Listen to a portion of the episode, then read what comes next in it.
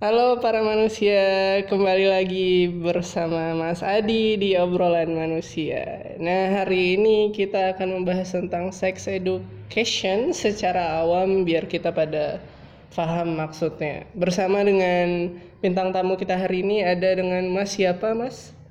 Mas Wahyu, Mas Adi. Mas Wahyu, saya, saya. Ya, Mas Mas Wahyu. Adi. Mas Wahyu bisa dibilang eh, pakar dalam dunia perseks-seksan, seks edukasi tapi. Sorry, sorry Mas Adi, ini maksudnya apaan? Maksudnya seks edukasi, bukan seks-seks gitu, seks bebas. Kirain ke arah yang negatif gitu kan? Enggak, nah itu eh, adalah hal yang pertama yang mau kita bahas. Enggak selamanya kata-kata seks itu berkonotasi negatif. Bener Mas Adi, benar. Gimana tuh Mas Wahyu? Penjelasannya mohon. Eh, gimana ya? Kita mulainya dari mana dulu nih Adi? Dari seks itu sendiri deh. Sebenarnya seks itu adalah kebutuhan biologis ya Mas Adi. Iya. Nah, jadi kalau berbicara tentang seks, berarti itu adalah kita berbicara tentang kebutuhan manusia. Nah, tapi bagaimana kita memposisikan pro- proporsi dari proporsi seks itu? Menurut Mas Hadi gimana? Kalau proporsi seksnya tidak sesuai eh, dengan penempatannya bagaimana? Setuju Itu sih ya, menurut salah ya. saya. Iya. Salahnya ketika udah tidak pada tempatnya lah kalau menurut saya ya. Pada intinya proporsi dan tempatnya ya. Iya. Gimana tuh Mas Wahyu penjelasan proporsi seks ini sendiri? Oh, gini Mas Hadi, sebenarnya seks edukasi itu sangat penting di eh, diberikan kepada anak yang paling pen- yang paling bertanggung jawab eh, atas seks edukasi ini adalah orang tua. Orang tua. Ini bakal menjadi tugas yang sangat panjang bagi orang tua, mulai dari kecilnya sampai dia nanti udah menjadi pasangan suami istri anaknya ini, Mas. Hmm. Oh, Tapi- Sebenarnya ada klaster eh, untuk seks edukasi ini. Pertama itu adalah usia 7 sampai 10. Eh, yang kedua itu eh, usia 11 sampai 13 yang biasa kita sebut itu awal remaja. Oh iya iya. Pernah itu saya dengar.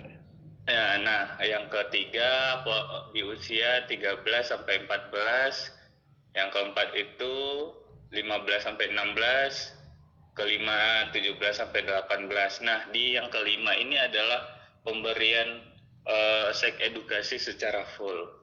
Jadi mereka sudah bisa dilepas ketika sudah berumur di antara 16 sampai 18 tahun Mas Adi.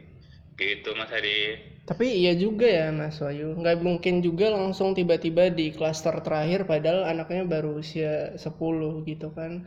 Nah, benar. Nah, ayo kita ngomongin seks. dia dia dia dia matang belum pada waktunya jadi gitu Mas Hadi Emang itu bahaya ya Mas Wahyu? Kalau- bahaya lah Hadi Emang karena kenapa sih? karena pada pada umur masih belum bisa mengontrol emosi dia udah mengetahui semuanya jadi eh, nanti ada rasa penasaran Mas Hadi Oh, oh itu bisa juga mengakibatkan itu ya kehamilan di luar nikah. Kalau si bocah ini sudah balik ya. sudah balik dan tidak bisa mengontrol emosinya Tapi iya sih, sepertinya saya familiar dengan hal-hal ini. iya Ya. Mas Hadi ada pengalaman bukan tentang ini Kalau pengalaman sepertinya saya minim pengalaman sekali. Tapi kalau mendengar-dengar dan melihat sepertinya sudah. Hmm. Nah, Mas Hadi, kita berbicara seks edukasi.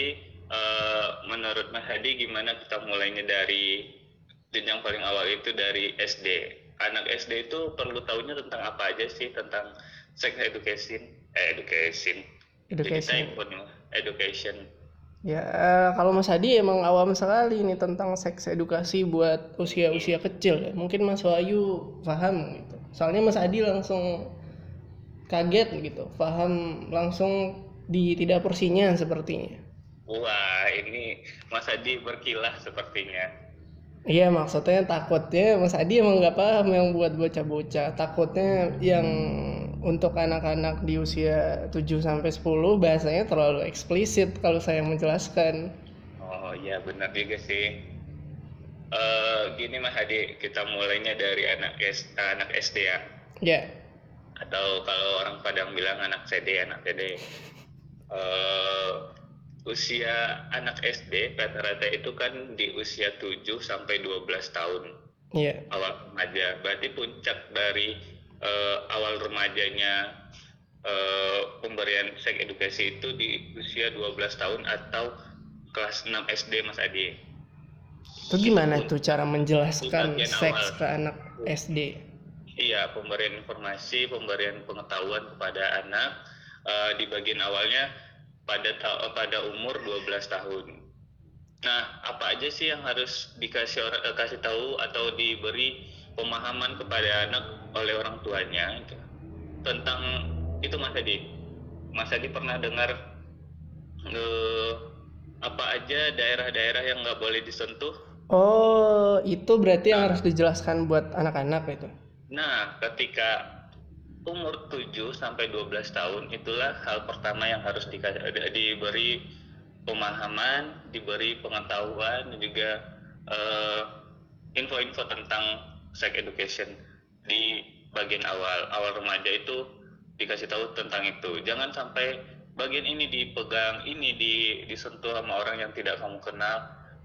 Ya, pada intinya gitulah. Mas Adi paham lah.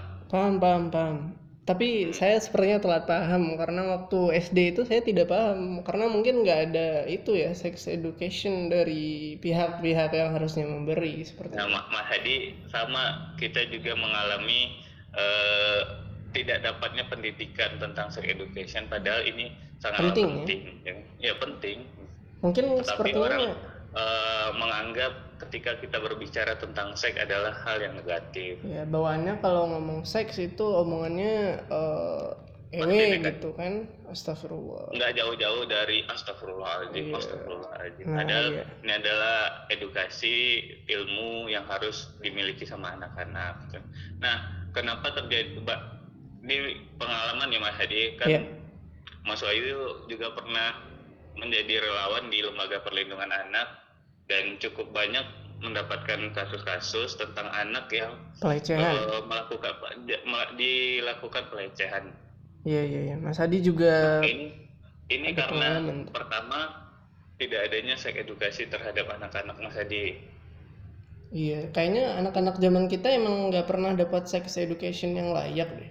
Sepertinya ya. Emang.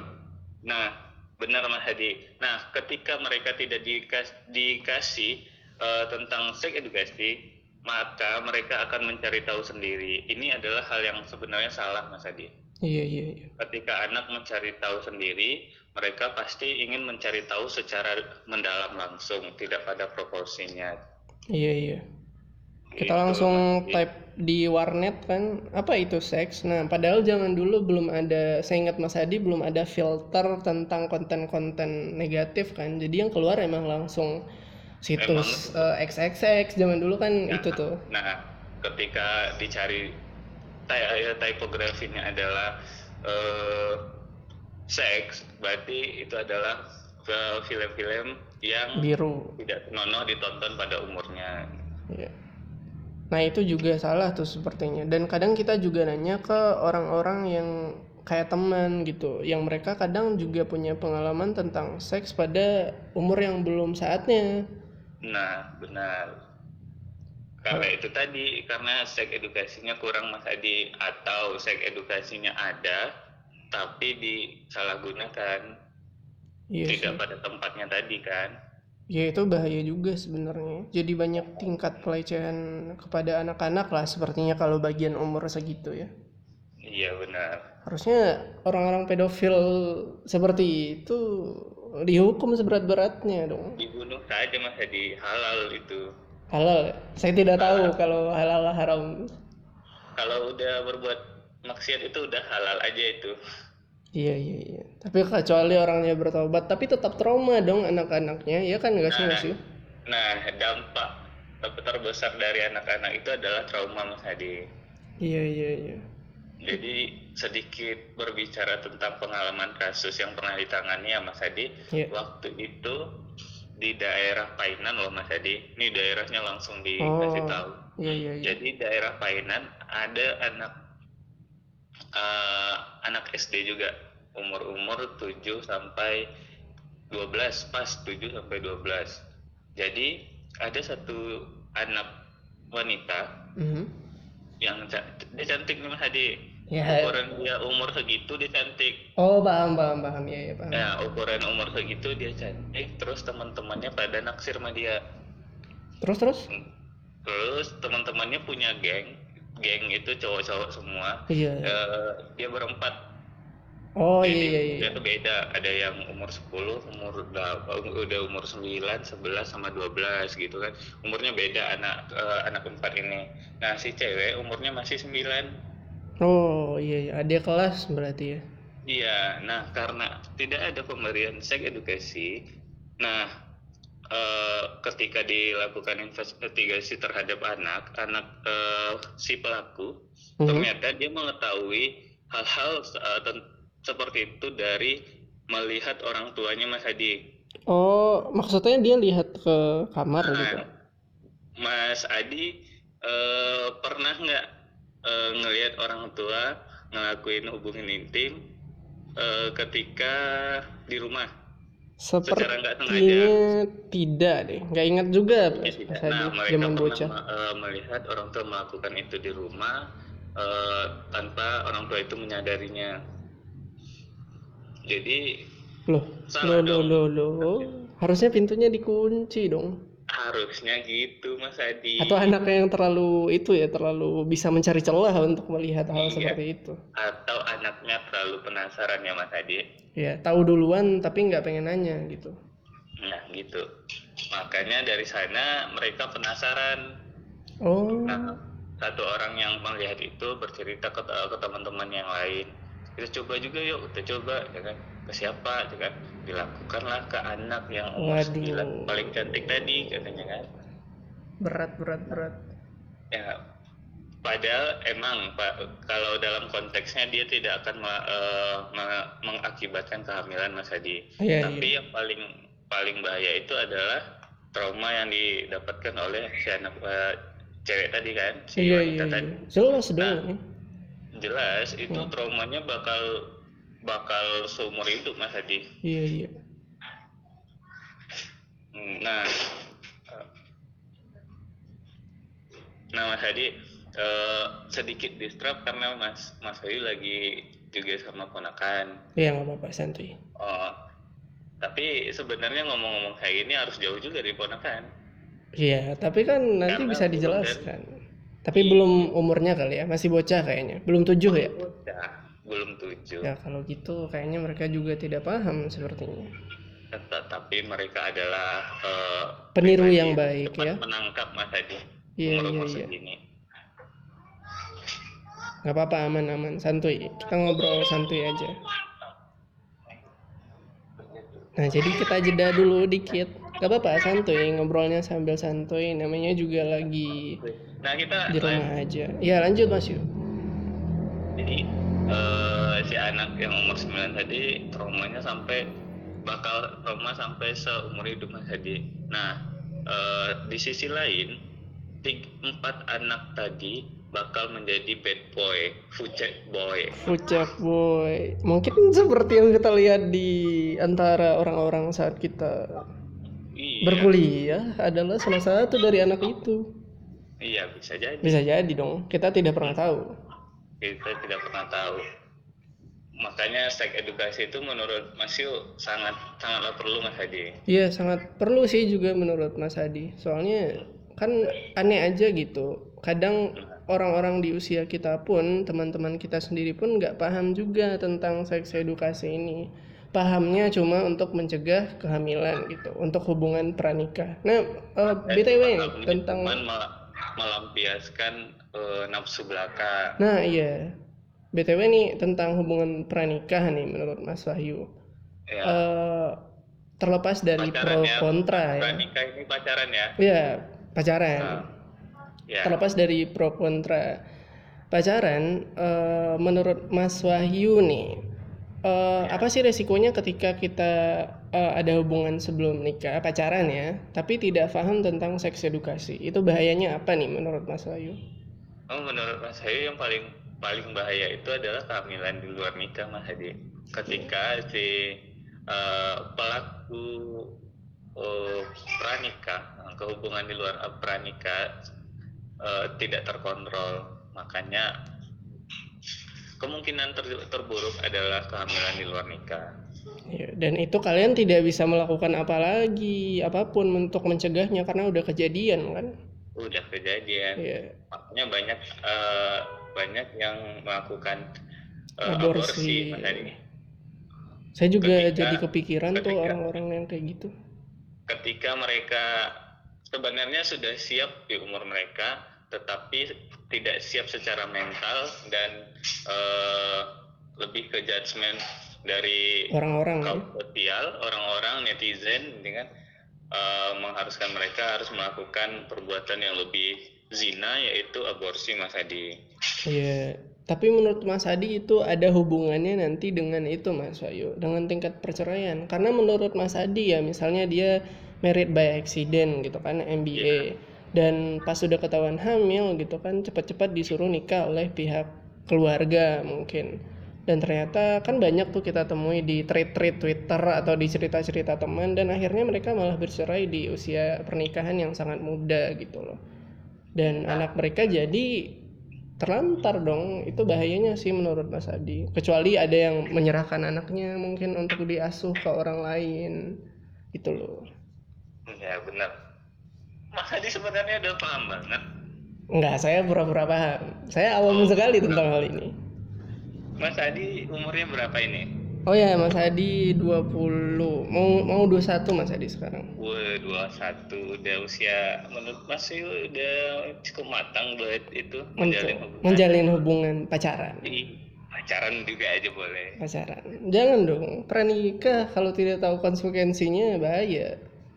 Iya benar. Apalagi bagi yang suka jajan ya Mas Yu, yang suka uh, Oh, ya. nah tahulah kan itu Saya resiko penularan nah, HIV dan penyakit seksual. Uh, sebenarnya kalau untuk uh, seks edukasi di bagian awal atau tahap awal remaja sebenarnya udah udah udah bisa dibilang bisa uh, dipahami dibahas lah ini kan. Ya, soalnya di kayaknya kita di setiap jenjang akhir SD SMP SMA kita bahas organ reproduksi dan nah, konsekuensi nah, penggunaannya di, kan? Karena di kelas 6 biasanya sudah ada uh, belajar biologi uh, supaya tidak tidak adanya shock terapi ketika menghadapi biologi lagi di uh, SMP dan SMP. SMA Mas Adi ingat pelajaran terakhir waktu SMA itu guru biologinya bilang, kita lagi kelas 3, guru biologinya bilang, kalian, ibu bukan menyuruh kalian berhubungan pranikah ya, cuma in case kalian uh, harus melakukan itu, jangan lupa untuk menggunakan pengaman. Itu menurut Mas Adi ya, sebagai orang yang bisa menerima sih nggak apa-apa gitu, itu malah bagus gitu. Daripada iya. gurunya cuma menjelaskan, tentang seks tapi tidak menjelaskan tentang itu gitu loh. Salut sih buat ibu itu yang kepikiran untuk menjelaskan itu walaupun saya tertawa waktu di kelasnya. Nah Mas Adi ada hal unik kalau kita bahas seks edukasi. Apa itu Mas Wahyu? Uh, Mas Adi pernah ke Mentawai? Belum kan saya belum jadi ke Mentawai karena oh, ya. kan sudah dua nah, kali diajak Mas Wahyu kan Nah, ternyata Mas Hadi di daerah tertinggal di daerah Mentawai itu Mas Hadi. Ya. Oh, sampai umur 45 pun hmm? belum pernah mendapatkan uh, pendidikan tentang seks edukasi Mas Hadi. Tapi mereka udah pernah nah, berbuat, maksudnya udah nikah. Enam, gitu.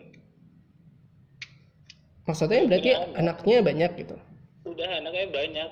Nah, ternyata waktu itu karena ada kesempatan buat bertemu di daerah mereka, daerah pelosok mereka itu daerah Butu ya Mas Adi. Iya. Yeah. Uh, penasaran dong, pengen tahu, gitu. kenapa sih, ya kan, dengan kehidupan seperti ini uh, sangat mencekiknya ekonomi mereka, tapi mereka tetap memiliki anak yang banyak, gitu. Nah di, di sana uh, ada rasa penasaran dan ingin tahu Mas Adi, yeah. kenapa sih uh, banyak anak anaknya kok banyak ya pak gitu kan? Iya. Nggak tahu gitu kan? Hamil terus dia gitu kan? Iya. Nah di sana dapat disimpulin Mas Hadi ternyata di daerah sana masih minim kan eh, pendidikan seks Mas Hadi. Oh iya paham. Tentang itu ya tentang mencegah kehamilan itu kurang ya berarti. Ya benar. Nah ternyata ini misal nih tanya, jadi pas melakukan hubungan intim eh, keluarinnya di mana? Cak? Oh. Di dalam lah, gitu kan. Nah itu sebenarnya yang membi- eh, yang bikin si wanita hamil Hamil, dan ya. mereka ternyata Mas Hadi nggak tahu Mas Hadi. Kalau keluar di dalam itu men- menyebabkan kehamilan. Nah benar. Oh, berarti itu menganut prinsip ya kalau dikasih Tuhan anak ya diterima gitu berarti ya. Iya Tapi diterima. Mas Hadi percaya sih itu sebenarnya. Cuma ya pro kontra lah Mas Hadi. Tidak ingin Ya. Menyudutkan Nah, pihak tapi tertentu. tapi Mas Hadi Mhm. ketika masih di sana masih coba kasih pemahaman bahwasanya eh, kalau tetap melakukan hal seperti itu dia bakal tetap hamil lagi ya kan enggak kok enggak kok ya kan kenapa enggak aja kita udah suntik ya kan dan Hah? ternyata mereka sudah dikasih tahu bahwasanya ada cara salah satu langkah eh, untuk mencegah kehamilan yaitu dengan suntik KB Mas Hadi Oh KB ada suntiknya. Itu saya baru tahu. Ada. Taunya cuma ada Emang? pil KB. Oh, enggak ada ada suntik ada pil Yang itu apa sih namanya yang dimasukkan ke organ vital itu? Yang buat perempuan? Saya juga lupa. IUD apa sih IUD? Iya, iya HIUD Hmm. untuk mencegah kehamilan. Eh, terus eh, sebenarnya suntik itu nggak baik. Terus dikasih kasih edukasi dong, gitu kan? Eh, dan bayangkan dengan pekerjaan si kere seperti ini, berapa duit yang bisa si kere hasilkan dan harus dikeluarkan juga untuk membayar suntik KB, ini kan? Oh iya juga sih. Terus gimana sih cara cara tidak hamil tapi tetap melakukan? Ya udah, nanti tembaknya di luar gitu kan. Oh. Keluarinnya di luar gitu kan. Emang dari mana kita tahu? Kan kerasa ya kan. Nah, sebenarnya ini juga perlu diedukasi lagi kan Mas Hadi. Iya iya iya. Saya juga kaget tuh baru tahu hal seperti itu. Padahal Ada dia gitu. udah udah umur 45 loh Mas Hadi. Oh, berarti emang eh, seks edukasi itu nggak selalu bisa datang natural ya gitu, mengalami dan trial and error gitu, nggak selalu datang dengan cara itu ya. Berarti emang harus dipelajari juga dong. Iya, harus dipelajari Mas Hadi. Hmm, Sedangkan kita kalau berbicara tentang gaya-gaya di dalam seks aja ada banyak kan Mas Hadi. iya iya. Bagi yang sudah menikah bisa dicek mungkin di Kama Sutra ya, Mas Wahyu, saya Iya. ingat saya. Astagfirullah. Skip. Astagfirullah, ini sebenarnya Nggak ini eh, biar relax. kita bagus positif ini ya. Iya, mungkin Tapi pemikiran tuh agak ke ke negatif juga seka- sesekali ya Mas Hadi. Iya itu mungkin karena itu Mas Bayu karena kita biasa didoktrin dengan hal Hal kata negatif. seks itu adalah negatif gitu jadi otak kita langsung tertuju kepada hal-hal negatif Nah, atau memang kitanya aja yang tidak bisa mengontrol pikiran Nah, Kak Mas Hadi, kalau kita bahas tentang hubungan pranikah tadi Mas Hadi, Iya. kita, kita bahasnya di karena usia kita usia kampus, gitu. bagaimana kita bahas tentang di kampus aja lagi Mas Hadi? boleh Umur boleh kampus. boleh boleh boleh banget tuh biar Nah, pendengar Pak. kita Nah. juga relate Iya, Mas Hadi, hmm. eh, kebayang nggak sih gimana menjadi maba mhm, dari berbagai daerah mhm. dengan kebiasaan yang jelek, eh, nggak jelek juga sih, eh, kebiasaan masing-masing Mhm. eh, terus nyatu nanti di satu kampus. Menurut Mas Hadi itu bakal jadi shock terapi nggak?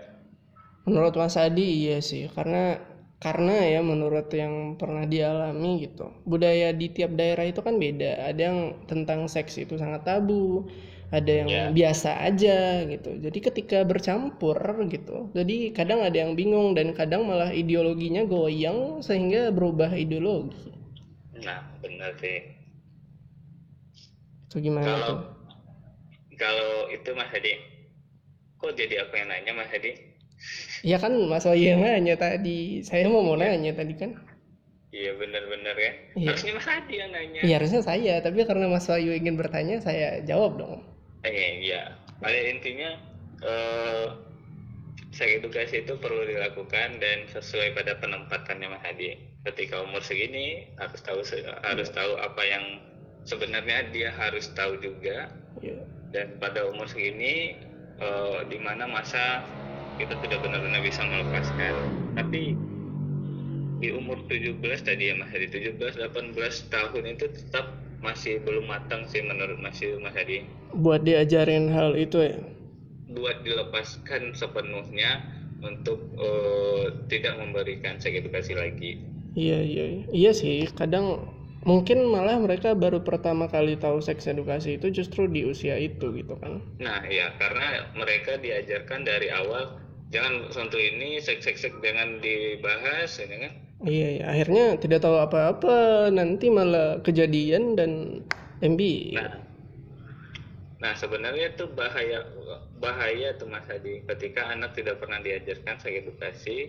Nah di mereka mencari tahu sendiri dan memiliki rasa penasaran yang tinggi, di sanalah letak paling bahaya dari uh, penyimpangan seks Mas Hadi.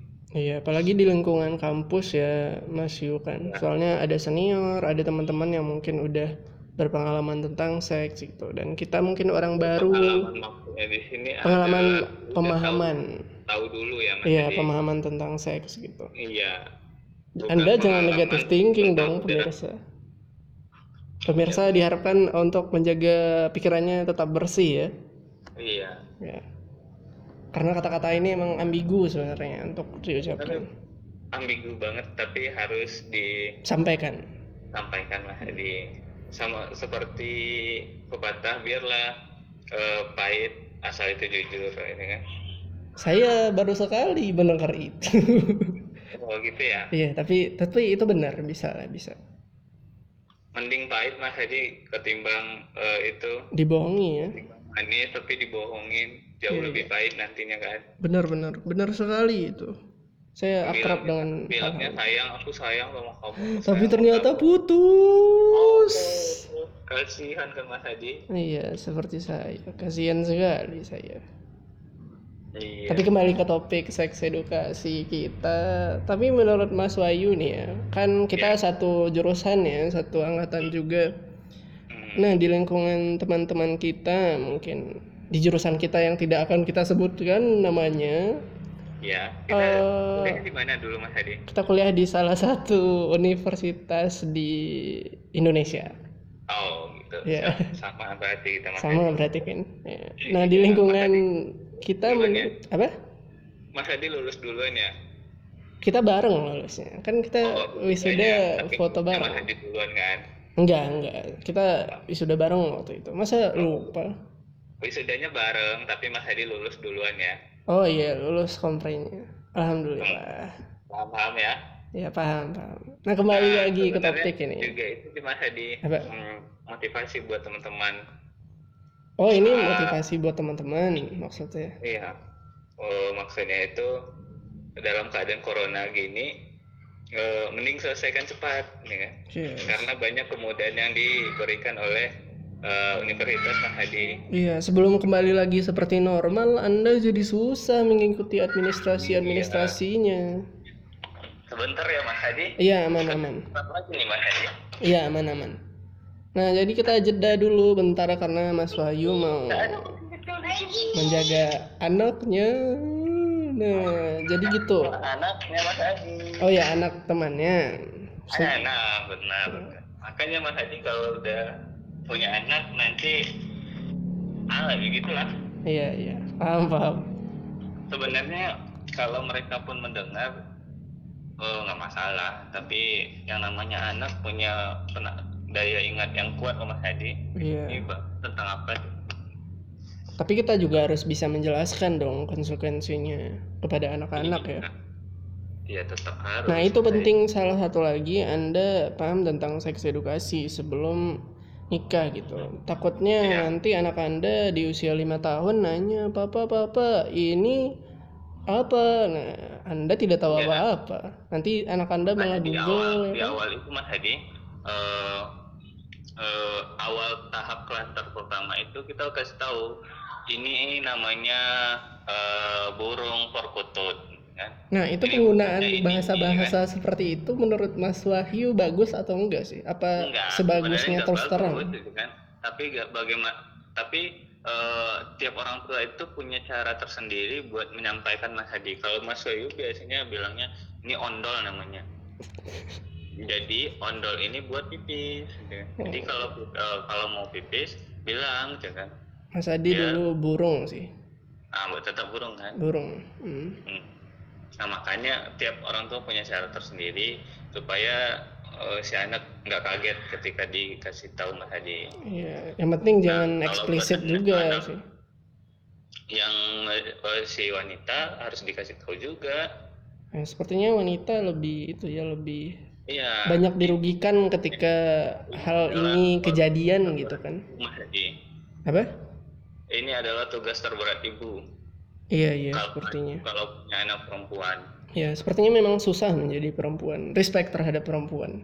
Iya. Kecuali yang menyakiti hati para pria-pria baik, saya tidak respect terhadap anda. Gak boleh gitu juga Mas Iya, Hadi. saya, saya tetap respect. Saya bercanda, bercanda. Ya, Semua oh, wanita bercanda, baik. Hadi. Atau Mas Hadi sering dibecandain sama wanita? Sepertinya sih gitu. Awalnya bilang kita akan sampai ke jenjang berikutnya. Kalau bahas tentang ibu, Mas Hadi, Mhm. jadi pengen punya istri cepet-cepet nih. Iya, tapi mau dikasih makan apa dong? Dikasih janji aja kali Mas Hadi. Janji tidak bikin kenyang, Wahyu. Cinta juga tidak bisa membuat perut Anda kenyang. Benar-benar. Nah, di sini sebenarnya eh, ada itu Mas Hadi, ada Apa? pesan tersendiri Mas Hadi. Nah, apakah itu? Eh, wanita nggak bisa dikasih janji aja, Nah, kan? iya. Lu sebagai laki-laki harus mapan secara mental, harus mapan secara finansial juga. Iya, betul sekali secara mental dan finansial. Jangan langsung ngomong nikah-nikah aja gitu. Iya, ini umur masih 17-18 tahun baru jadi maba aja kan. Aku serius sama kamu aja kan. Nanti kalau kita nikah waduh, Hmm, tahu-tahu tiga bulan Ya. berikutnya putus. jangan. Lu sebagai mahasiswa kerja lu kuliah aja lah, yang benar selesai aja dulu. Kecuali udah mapan ya dan memang butuh gitu. Mapan. Memang butuh sosok istri gitu dan Anda sudah bekerja mungkin nggak apa-apa sih menurut Mas Adi. Oke. Siap secara mental dan finansial. Nah, benar-benar. Tapi itu juga perlu seks edukasi Mas Yu. Takutnya kan ada orang yang emang menikah karena udah pengen gitu, ada yang menikah karena emang desakan hal yang udah kejadian gitu. Hmm. Nah, di situ pentingnya kalian kita nih ya belajar tentang seks edukasi. Ketika kita udah paham tentang bahaya penyakit seksual yang menular dan seperti itu, kita tentu akan menghindarinya gitu. Seperti bergonta-ganti pasangan ya, Mas Yu, itu Iya. kita kadang ya sering mendengar cerita itulah di lingkungan lingkungan lingkungan sekitar kita. Iya, Kita udah pernah mendengar. menjadi rahasia umum lah Mas Hadi kalau berbicara tentang eh, hubungan pranikah ini Hmm. pasti melakukan hal-hal yang eh, mengarah ke eh, seks yang bagian negatif. Iya iya. Nah itu tuh sangat disayangkan sebenarnya. Nah, saya sangat disayangkan. Tapi menurut Mas Hadi Mhm. eh, wajar nggak sih? Apa hubungan pranikah gini? Iya, hubungan pranikah terus udah coba lakukan ini itu dengan Menurut Mas Adi atau Mas Bayu dulu deh, karena kan yang ditanya Mas Bayu. Nanti saya baru menambahkan lah.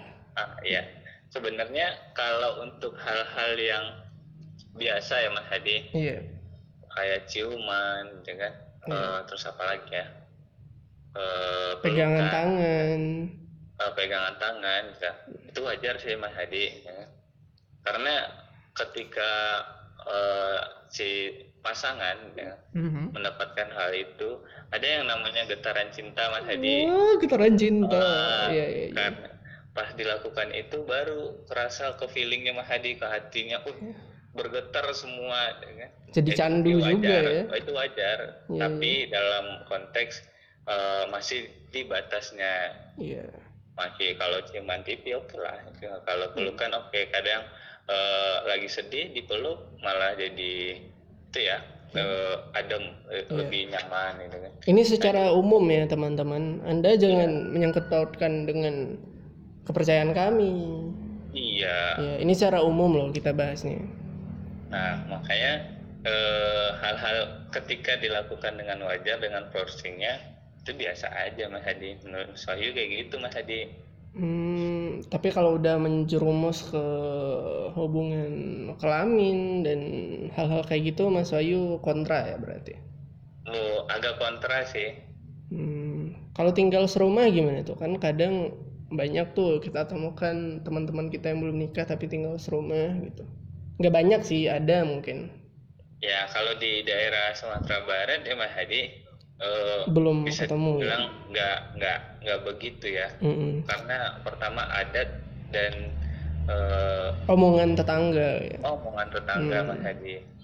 Mas Hadi pernah coba eh, mengiris badannya sama pisau Wah, tidak sih, belum sepertinya. ketimbang mengiris badannya dengan pisau lebih tajam omongan tetangga Mas Hadi. Iya sih, tapi itu bagus sebenarnya. Jadi mencegah si perbuatan Nah. ini terjadi. Setuju sih Iya. Mas Hadi. Iya benar Mas Hadi. Nah, Mungkin- makanya kalau konsep edukasinya sesuai porsi oke aja. Ya, tapi ya Tergantung juga si penerimanya tapi bisa emang mengontrol nggak gitu. tapi Ketika- emang berarti harus dimulai dari sedini mungkin Mas Wahyu. Karena ketika udah di usia sekarang kan kita udah menerima seks dengan porsi yang berbeda kan. Ilmu seks, pengetahuan seks dengan porsi yang berbeda. Ketika si ilmu seks dasar ini masuk, kita kan jadi udah nggak ngeh lagi, udah nggak sejalan lagi dengan ilmu itu gitu. Kita pengennya kita aja gitu, ilmu kita aja. Makanya penting diberikan Aja, betul. ya di awalnya. aja ya kan Mas Hadi. Iya, makanya penting di awalnya. Contohnya seperlunya kita aja, misalnya nih ya, karena kita udah kebelet gitu. Baru kita cari tahu resiko dari hubungan, nah, gitu. Itu sih Nah. bahaya sih menurut Mas Adi. Iya, sebenarnya eh, kembali lagi ke Mas Hadi, orang tua yang punya eh, punya an- andil yang paling besar Mas Hadi. Iya, iya. Ketika orang tua biasanya adalah orang tua yang karir, itu bisa dibilang anaknya minim akan seks edukasi. Iya. Karena orang tuanya sibuk eh, dengan pekerjaan tanpa memperhatikan anaknya. Iya, atau kurang waktu bersama keluarga. Iya. Padahal ada lagunya. Harta yang paling berharga adalah keluarga gitu sih sebenarnya. Ingat-ingat keluarga, angkatan kita dikasih nama julukan juga Wah, keluarga bla bla bla. ya ya. Mungkin dikasih nama itu karena memang sudah berkeluarga satu sama lain sepertinya. Wah ini gimana nih? Gimana nih? Maksudnya sudah menganggap seperti adik kakak gitu. Oh adik kakak. Tapi pas adik kakak ada juga yang pacaran mas Adi? Iya, iya. Berat-berat saya tidak ingin membahas itu karena takut di DM DM umat-umat angkatan kita. Oh gitu. Ma, kalau berbicara angkatan nih Mas Hadi, Iya. Mas Hadi pernah pacaran sama teman angkatan bukan? Wah, pernah nih sepertinya. Pernah, juga. pernah, pernah. Iya, pernah. Makanya itu nggak bisa dibilang keluarga Mas Hadi. Berarti haram ya hubungannya karena itu keluarga kan? Iya, Incest, sendiri dipaca- dipacari kan? Iya, berarti tidak boleh pacaran dengan keluarga sendiri. Iya benar. Oh, karena itu Mas Wahyu tidak mau pacaran dengan teman angkatan kita Bukan seperti nggak mau Mas Hadi, bukan nggak mau. bukan nggak mau, tapi nggak mau.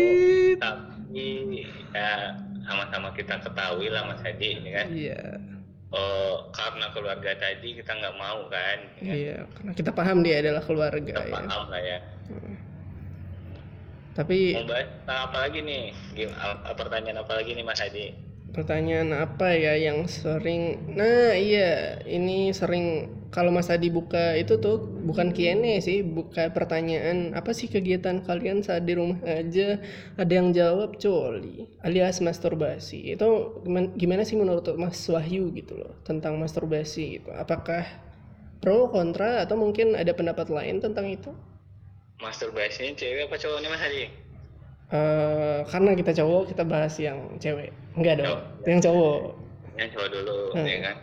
Eh, wajar sih mas jadi kan tadi udah dibilangin uh, bicara tentang seks itu bicara tentang biologis juga Iya, kebutuhan, kebutuhan biologis ya. kan Hmm. nah uh, dia master uh, masturbasi karena gak tahan lagi nih karena keinginan ingin uh, melepaskan gitu kan. Lepaskan hasrat Anda melepaskan hasrat dan sedikit eh, apa ya berimajinasi liar. cairan eh, sedikit cairan keringat ya Oh iya. nah ketimbang dia melakukan Hubungan. hal yang jauh lebih salah Hmm. eh, mending sih dia melakukan Masturbasi. melakukan masturbasi sendiri tapi jangan pas puasa ya nanti Batal dong. habis berbuka nanti Ya setelah habis itu mandi jangan lupa mandi mandinya jangan subuh nanti ketahuan sama orang tua ini tadi malam dia berbahas ini itu memang hal-hal nostalgia ya. Mandi di Iya. subuh hari, Hmm, mengunci makanya, pintu eh, kamar. lupa Ka- kadang ada yang lupa tuh Tapi untungnya beberapa pihak yang saya temui selalu mengunci pintu kamar. berarti sudah pro ya Sudah pro. Tapi menurut Mas, Mas Wahyu nih, Ya. ketika masturbasi tapi menggunakan bukan menggunakan sih dengan eh, perantara video porno, itu menurut Mas Wahyu gimana? Pro kontra nggak dengan video porno? ada pronya ada kontranya Kontra dulu deh, kontra.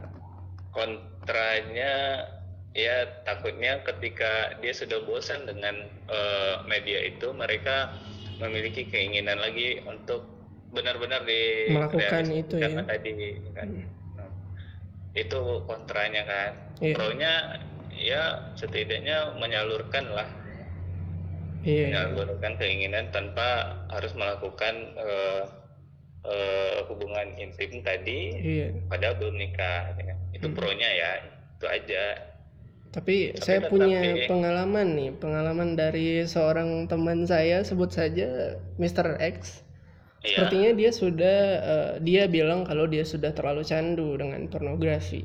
Dia sudah mulai dari usia 10 tahun dan sampai sekarang dia masih tetap melakukannya. Tapi dengan intensitas malah ya kadang terlalu sering dilakukan gitu, menonton film porno gitu. Menurut Mas Yu nih gimana gitu?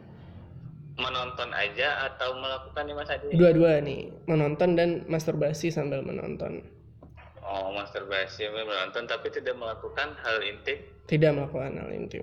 oh takutnya tidak ada gairah ketika sedang memiliki istri mas Adi Hmm, oh iya, saya pernah dengar tuh. Katanya Eh, kalau terlalu sering ketika- nonton film porno dan terlalu sering masturbasi itu, melakukan masturbasi nanti ketika sudah pada waktunya sudah memiliki haknya ya kan, malah menjadi kewajibannya tidak memiliki gairah itu yang ditakutkan mas Adi ya takutnya itu. Kecuali anda memang sudah mendarah daging hal itu di diri anda, mungkin oke lah Oke tiap lah ya. oke aja. hmm.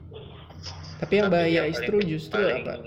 ditakutkan ya itu tadi tidak adanya gairah nanti menimbulkan permasalahan lagi sama si istri Ya. Eh, istri merasa tidak terpuaskan Iya kan pernah ada berita tuh di di media-media kalau Iya. istrinya tidak puas terus ujungnya malah minta cerai atau malah berhubungan dengan orang lain gitu kan itu Ah, bahaya Kan malah menjadi, ketakutan tuh mas Adi iya iya tapi itu juga malah yang bahayanya ketika terlalu mempunyai banyak pasangan ya mas Yu melakukan hubungan pranikah dengan banyak pasangan. Nah itu sangat berisiko. Apa tuh mas Yu apa risikonya kalau punya banyak pasangan gonta ganti pasangan sebelum nikah tuh apa tuh?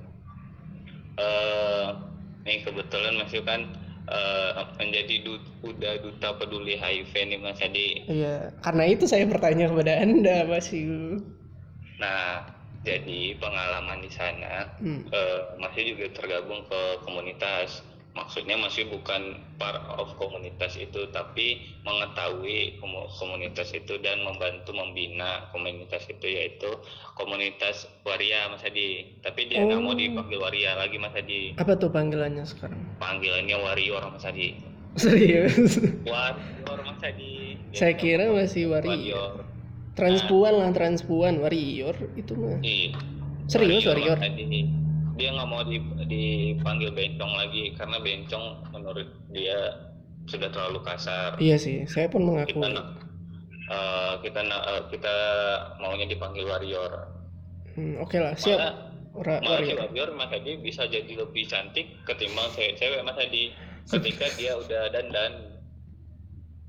Iya. Hmm, Nah, di komunitas itu si warrior ini laki-laki nih ya, Iya. si laki-laki melakukan hubungan intim dengan banyak wanita nih. Tapi juga dia melakukan dengan si laki-laki. Oh, biseksual berarti. Saya Biseksual. saya kira dia Tapi waria ada- tapi sama cewek. Ada juga yang tetap pengennya sama banyak wanita, ya kan? Hmm. Kemungkinan terburuknya adalah mendapatkan penyakit HIV Mas Adi. HIV itu menular melalui apa aja sih Mas Yu? Kan kita sering dengar tuh, eh jangan minum satu gelas dengan orang yang HIV. Jangan Nah, bersentuhan kalau- tangan. HIV itu bakal menular kalau pertama si si penderita HIV melakukan hubungan intim dengan eh, orang yang tidak eh, menderita HIV itu bakal tertular kan Mas Adi. Hmm. Kalau berhubungan intim ya. Tapi kalau pakai zat-zat Mas Adi. kondom Zat-zat- gimana tuh? Tetapi Hmm. si penderita HIV eh, menggunakan kondom Hmm? eh, dan melakukannya ke terhadap si tidak penderita itu kemungkinannya tidak tidak ter- tertular Mas Hadi. Tapi masih Sangat ada kemungkinan ya. Pada intinya jangan ada salah satu zat zat dalam bentuk eh, cairan yang keluar dari si penderita yang diterima oleh si tidak penderita Mas Hadi. Ketika zat itu tidak eh, tidak masuk ke dalam tubuh itu aman mas Edi makanya ke ada ada himbauan bahwasanya menggunakan pelindung Iya iya itu iya. bakal iya. aman nah yang kedua eh, suntikan mas Edi jarum suntik Narkoba suntik atau semua jarum suntik ini maksudnya? jarum suntik misalnya eh, gini mas Edi misalnya adalah OD kita namanya OD mas Edi orang orang dalam eh, HIV mas Adi OD Hmm. namanya Mas Adi adalah OD kan? Iya. Eh, terus Mas Adi pergi ke puskesmas untuk dilakukan eh, cek darah. Hmm. Maksud darah ini ya cek darah lah Mas Adi mau mau cek gula gula darah kan melakukan suntik tuh. Iya. Ada suntik ada pengambilan darah. Kalau melakukan suntik kan suntik suntik yang sudah digunakan ke Mas Adi tadi harus dibuang. Tidak boleh lagi eh, Oh. digunakan untuk eh, pasien lainnya Oh karena iya iya. iya. menularkan Mas Adi. Oh berarti asal darahnya itu ke bawah terus kepindah ke orang berikutnya gitu bisa kena HIV-nya juga. Mas Adi. Tapi kalau Mas Adi misalnya minum sama orang penderita HIV ya it's okay, nggak bakal ketular kok, ya kan? Kecuali, ya kan? eh, dia minum terus eh, air liur si penderita itu terkumpul dalam bentuk satu ember Mas Adi. Ah, Mas Adi minum, ah itu baru. Kalau kalau tidak satu ember gimana Mas? Misalnya Kalau tidak satu ember Mas Adi nggak nggak bakal. satu sendok gitu. Nggak nggak bakal. Soalnya Mas Adi pernah dengar nih ada teman Mas Adi yang bilang, eh aku tes HIV nih katanya, karena aku takut Iya. aku tertular. Aku sih belum pernah hubungan seksual Hmm. katanya. Cuma eh sepertinya pernah ada hubungan air liur gitu kan. Ah, Nah jadi dia takut jadi itu. Mas Adi, Hmm. kalau Mas Adi pun ciuman nggak Hmm. masalah. Oh, Ke- tapi dalam konteks bahwasanya si penderita tidak ada mengalami luka di bagian mulut, lukanya kayak Jadi, sariawan gitu. sariawan, terus eh, bibir pecah-pecah, nanti yang nantinya akan mengeluarkan darah Mas Adi. Oh, tapi buat mencegah kali ya teman Mas Adi mungkin Iya. takut ya. Gara-gara dia Mas Adi juga takut. Soalnya waktu itu ada yang bilang gini, jangan sentuhan sama orang HIV. Jadi waktu itu Mas Adi Nah, pernah naik. Gojek, terus abang-abang Gojeknya bilang, Astagfirullah, kok mbak sebutnya, maaf, saya tidak disponsori Gojek. Kalau Gojek mau sponsor nggak apa-apa. Tapi waktu itu saya naik Gojek, terus abangnya bilang, tadi saya habis bawa penumpang yang sepertinya dia pernah iya sepertinya dia orang terkena HIV terus abangnya bilang niatnya baik sih kamu mundur aja duduknya biar nggak kena saya gitu semenjak itu saya jadi takut dong Wah, Habis itu salah, langsung- Mas Adi. ini Mas Adi ini harus dikasih edukasi tentang HIV dan AIDS. iya saya juga butuh soalnya edukasi HIV Iya. ini Eh, HIV itu penyakit yang paling paling sopan Mas Adi. kenapa tuh paling sopan kalau lu nggak cari gara-gara sama gua gua nggak masuk ke lu nah oh iya iya paham paham, pada intinya nggak melakukan hubungan intim ya kan? Terus sudah itu tidak melakukan suntik-suntik narkoba ya kan? Ah, dia bakal aman mas Hadi. Melalui jarum Kan tato sampai- juga sampai bisa ya? sekarang ini mas Hadi hmm? eh, obat untuk eh, menghilangkan HIV. HIV. dan AIDS itu nggak ada membunuh eh, penyakitnya nggak ada iya sih kita cuman juga yang, yang ada itu adalah bi- bius supaya kita masih tetap bertahan dengan eh, imunitas kita tetap bertahan. Dan itu tuh harus digunakan eh, dalam waktu yang lama. sampai umur seumur hidup Mas Hadi. Dan eh, rutinitasnya harus on time. Jadi gini Mas Hadi misalnya Mas Hadi minum obatnya jam 8 hmm. besoknya harus jam 8 lagi kalau lewat langsung drop kalau gitu misalnya Mas Hadi melakukan sampai jam eh, jam 9 ya, itu akan berdampak Mas Hadi agak gila ya kan? Hah? Eh, keluar penyakitnya ya kan? misalnya eh, kalau udah luka nih luka di bagian kepa di bagian hidung aja deh nanti di biasanya minum jam 8 Mas Hadi minum jam 9 nanti hidungnya berdarah sendiri oh gitu bahaya juga dong Ya. berarti ya jadi ada itu rutinitas yang harus dilakukan. Kalau enggak eh, ada yang bilang oh ndek kambuhnya kalau orang Minang bilangnya ndek kambuhnya emang kayak orang ayan gitu ya? Kambuhnya enggak enggak kayak orang ayan. Te- depend on eh, penderitanya Mas Adi yang sering Mas Yu tahu lah gitu kayak apa tuh kambuhnya biasanya lebih ke ayan kayak kayak ayan gitu. Hmm, mem- eh, gelisah eh gelisah apa sih namanya tidak tenang gitu ya teriak-teriak ya kayak gitu biasanya seperti itu Hmm, itu juga susah sih Hmm. Ketimbang TBC, eh, H- HIV adalah penyakit yang paling sopan lah. iya iya Karena iya. TBC mel- melalui batukan ya. orang batuk aja nular kan. Ya, sama kayak DBD juga ya dari nyamuk gitu. Padahal kita tidak Iya. pernah cari gara-gara dengan nyamuk, tapi malah disodot oleh nyamuk. Iya si nyamuk kan. Nah kalau HIV Mas Hadi, misalnya Mas Hadi digigit sama nyamuk yang sebelumnya menggigit orang HIV, Ah, saya penasaran ya. Terus itu nggak bakalan ketular juga Mas Hadi. kok gitu? Karena dia sistemnya dia mengisap, bukan menularkan. Kalau nyamuk itu Oh. tapi bak eh, si nyamuknya bakal netral lagi Mas Adi Iya sih. Itu nyamuknya Berarti jadi kena aja. sakit ya berarti. nah kalau si nyamuknya nggak tahu nih Mas Adi karena nggak pernah ada di itu diwawancarai si nyamuknya Iya maksudnya kali aja ada penelitian nyamuk yang menghisap orang HIV kena HIV juga enggak? enggak enggak Mas Adi Iya, semoga enggak ya. Kasihan juga soalnya nyamuk. iya nah eh, di awal itu Mas Adi di awal dijadikan duta peduli HIV ini banyak pro dan kontranya loh Mas Adi Apa tuh, Bro? Kontra dulu lah, kontra. Kita suka yang kontra-kontra. kontranya oh udah kondom eh uni kondom nah orang kan taunya HIV dan Iya. AIDS ini adalah kondom gitu kan Iya, iya, iya. padahal kami dilema banget Mas Hadi sebenarnya Kenapa tuh? Eh, kan ada yang bilang bahwasanya eh pe- pemberian gelar Uni Uda Peduli HIV ini nggak ada gunanya kok ya kan Hmm.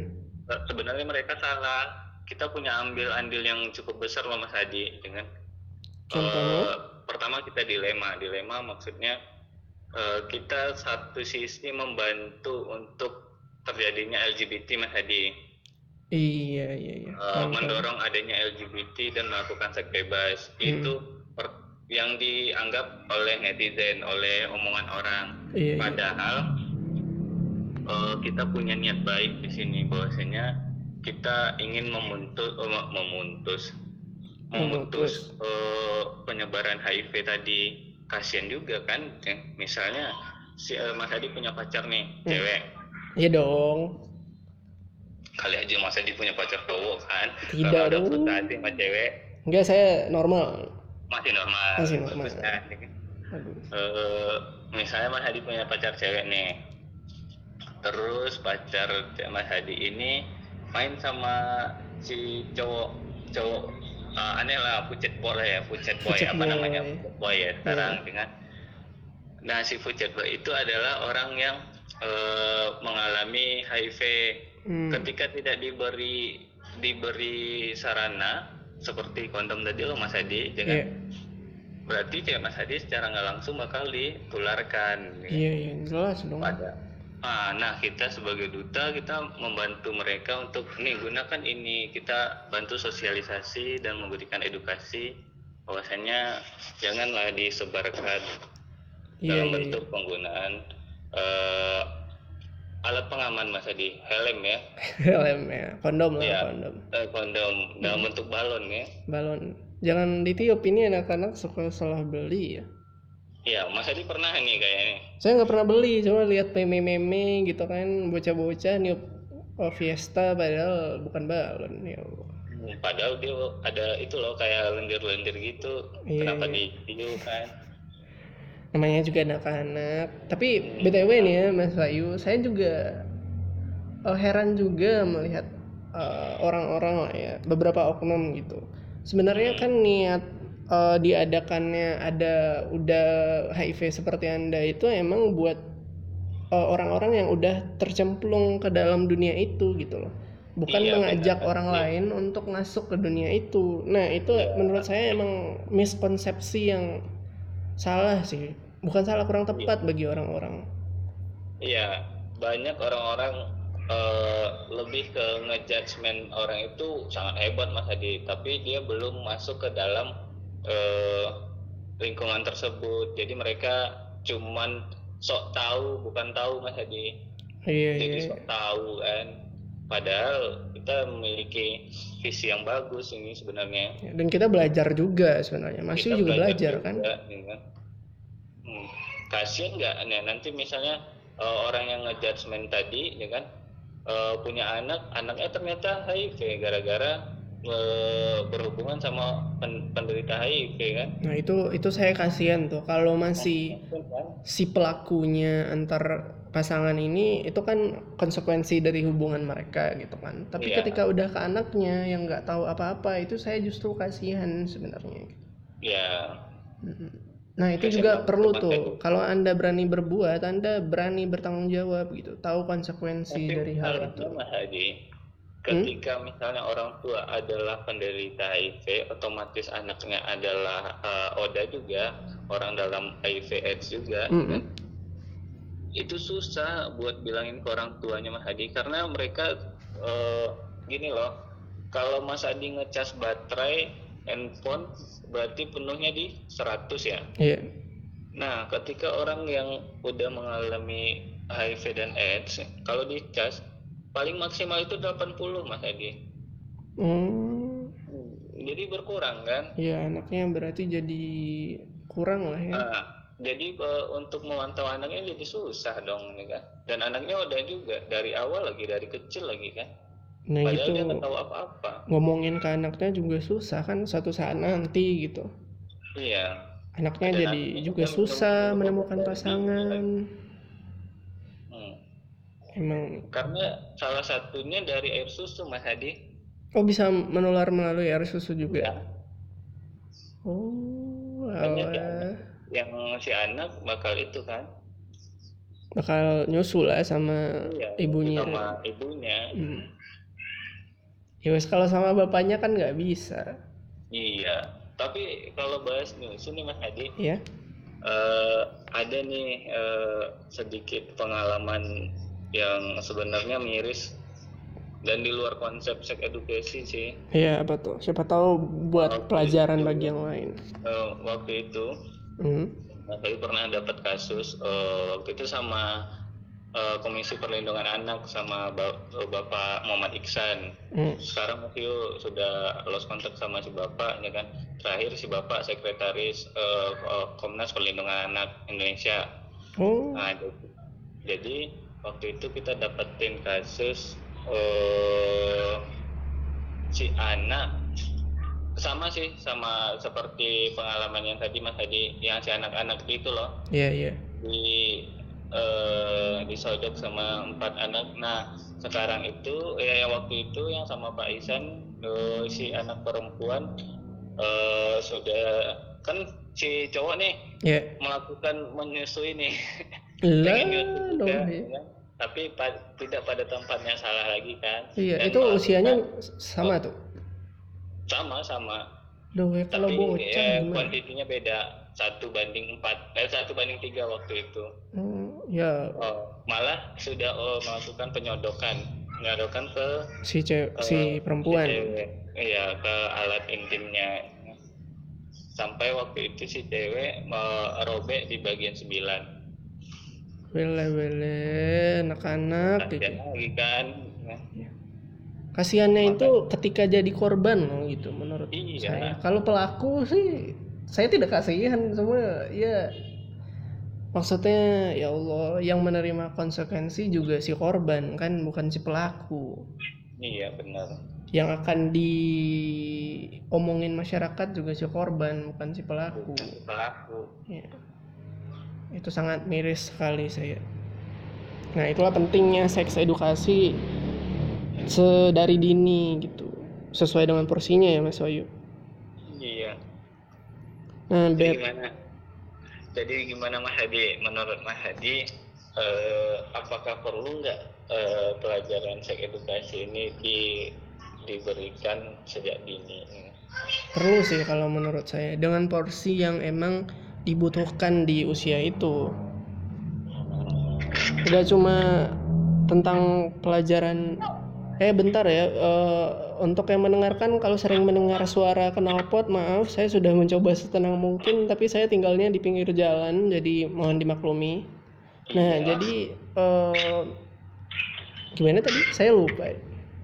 Oh ya seks edukasi. Nah menurut saya emang seks edukasi itu emang perlu diajarkan sedari dini dengan porsi yang eh, pada tempatnya. Ya tepatnya Ya, dan kita pun harus mengubah konsep pemikiran kita tentang seks itu sendiri. iya Iya. benar Dan jangan belajar seks edukasi dengan cara trial and error menurut saya ya. karena bakal yang hasilnya bakal tetap error juga Iya. bakal er- error terus Mas Mas Hadi Iya, apalagi kalau usianya udah balik kan itu resiko hal lain setelah itu juga makin banyak ya kan. Nah, itu mungkin sih kalau dari saya. Kalau dari Mas Wahyu nih gimana nih? Iya, eh, pada intinya tetap lagi Mas Hadi kembali orang tua yang bicara tentang pendidikan seks untuk anak-anaknya Mas Hadi. Iya, biar nyaman juga ya berarti. Biar nyaman, Hmm. ya kan? ngomongnya enak gitu dibandingkan dengan eh, kita mendapatkannya dari teman-teman yang mereka juga nggak tahu sebenarnya. Cuma sok-sok Iya, tahu ini loh. sok tahu ini kan.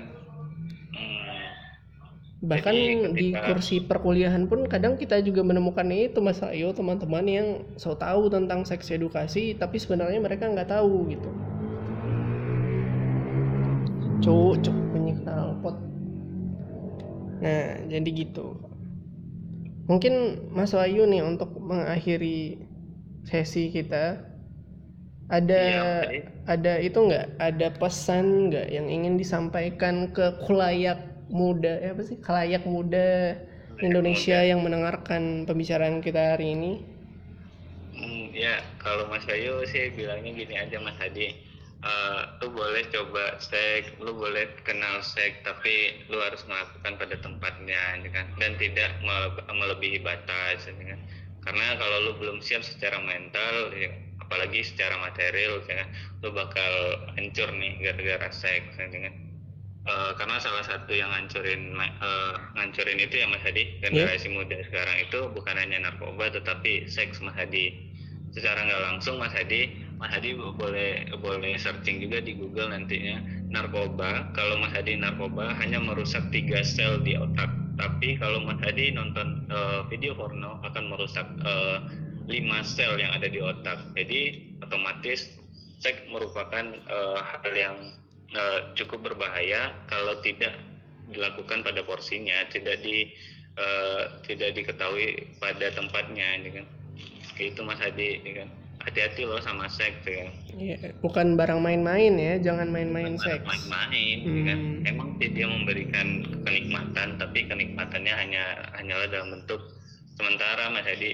Ya, dan kenikmatannya datang ketika dilakukan dengan cara yang benar kan? Nah iya benar gitu. Apalagi kalau hubungannya tuh pranikah itu rasa was-was dan rasa takut akan Tuhan pasti tinggi itu menurut saya. Kalau anda normal ya anda akan takut karena anda tahu itu perbuatan yang salah. Iya. Nah kalau dari saya sih untuk mengakhiri pembicaraan hari ini topik Iya, pembicaraan kita hari ini tuh sebenarnya tergantung dari cara kalian menerimanya aja gitu loh. Kita udah mencoba menyampaikan sepositif yang kita bisa sehalus yang Karena kita, bisa. hanya, itu ya Mas Hadi eh, sharing eh, pengetahuan bukan Iya. sharing pengalaman ya kita juga bukan ahlinya banget tapi kita ada pengalaman yang mungkin bisa kita bagi kepada teman-teman yang mendengarkan. Nah pada jadi intinya jangan melakukan hal kalau belum siap. Nah itu iya. sebenarnya udah udah paling benar Mas Hadi kalau lu belum siap ya jangan dilakukan ya atau eh, kalau mau melakukan sesuatu tahulah konsekuensinya dan siap menerima akibatnya. Akibatnya benar Mas Iya. Hadi sebenarnya Mas Hadi eh, satu pesan lagi buat eh, mahasiswa tingkat akhir. Iya. seks edukasi ini bisa sa- bisa menjadi salah satu eh, tema atau judul yang bisa diangkat. Ya karena nggak banyak orang yang mau eh, mengangkat tema ini iya sih iya benar-benar juga. Nah, apalagi nih di bag- di jurusan Kita, manajemen ya. nih cocok cocok nih Mas Hadi oh jurusan sebagai manajemen SDM nih. iya iya. Jurusan manajemen ya Mas Wahyu Iya. jurusan manajemen. Dan psikologi juga Mas Hadi Hmm, ya, sepertinya emang perlu sekali ya. Itu ide bagus tuh bagi yang masih bingung mau penelitian tentang apa. Kalau Anda cukup berani, ambillah topik ini. Tapi kalau Anda takut, sepertinya karena kami karena tidak gitu menyarankan. Ketika dia nanti mencari kasus untuk bab empatnya ya Hmm. kasusnya banyak ya. Oh, berarti Tapi- sampelnya banyak lah ya. sampelnya banyak ya kan tapi yang melakukan penelitian ini gak begitu banyak Ya, mungkin kalau yang mau berani untuk ambil ayo judul ya kan? ini, ya sok atau gitu kan. Siapa tahu terkenal gitu kan. Pemuda Iya. ini membuat skripsi dengan tema seks. Seks Iya. edukasi. Astaga. Nah ya jadi gitu eh, kepada teman-teman yang mendengarkan ini mohon bijak dalam menerima yang kita sampaikan dan dewasalah bertanggung jawablah atas setiap pilihan Anda. Dan saya dan Mas Wahyu juga mohon maaf kalau mungkin suaranya ada yang lewat kanal pot, ada yang sedikit Iya. parau-parau. Maklum kita lagi di rumah aja ya. lagi di rumah aja sebenarnya lagi males-malesan tapi berusaha untuk keluar dari zona males itu kan Mas Adi Iya, kita juga jauh sekali jaraknya ya Mas Wahyu.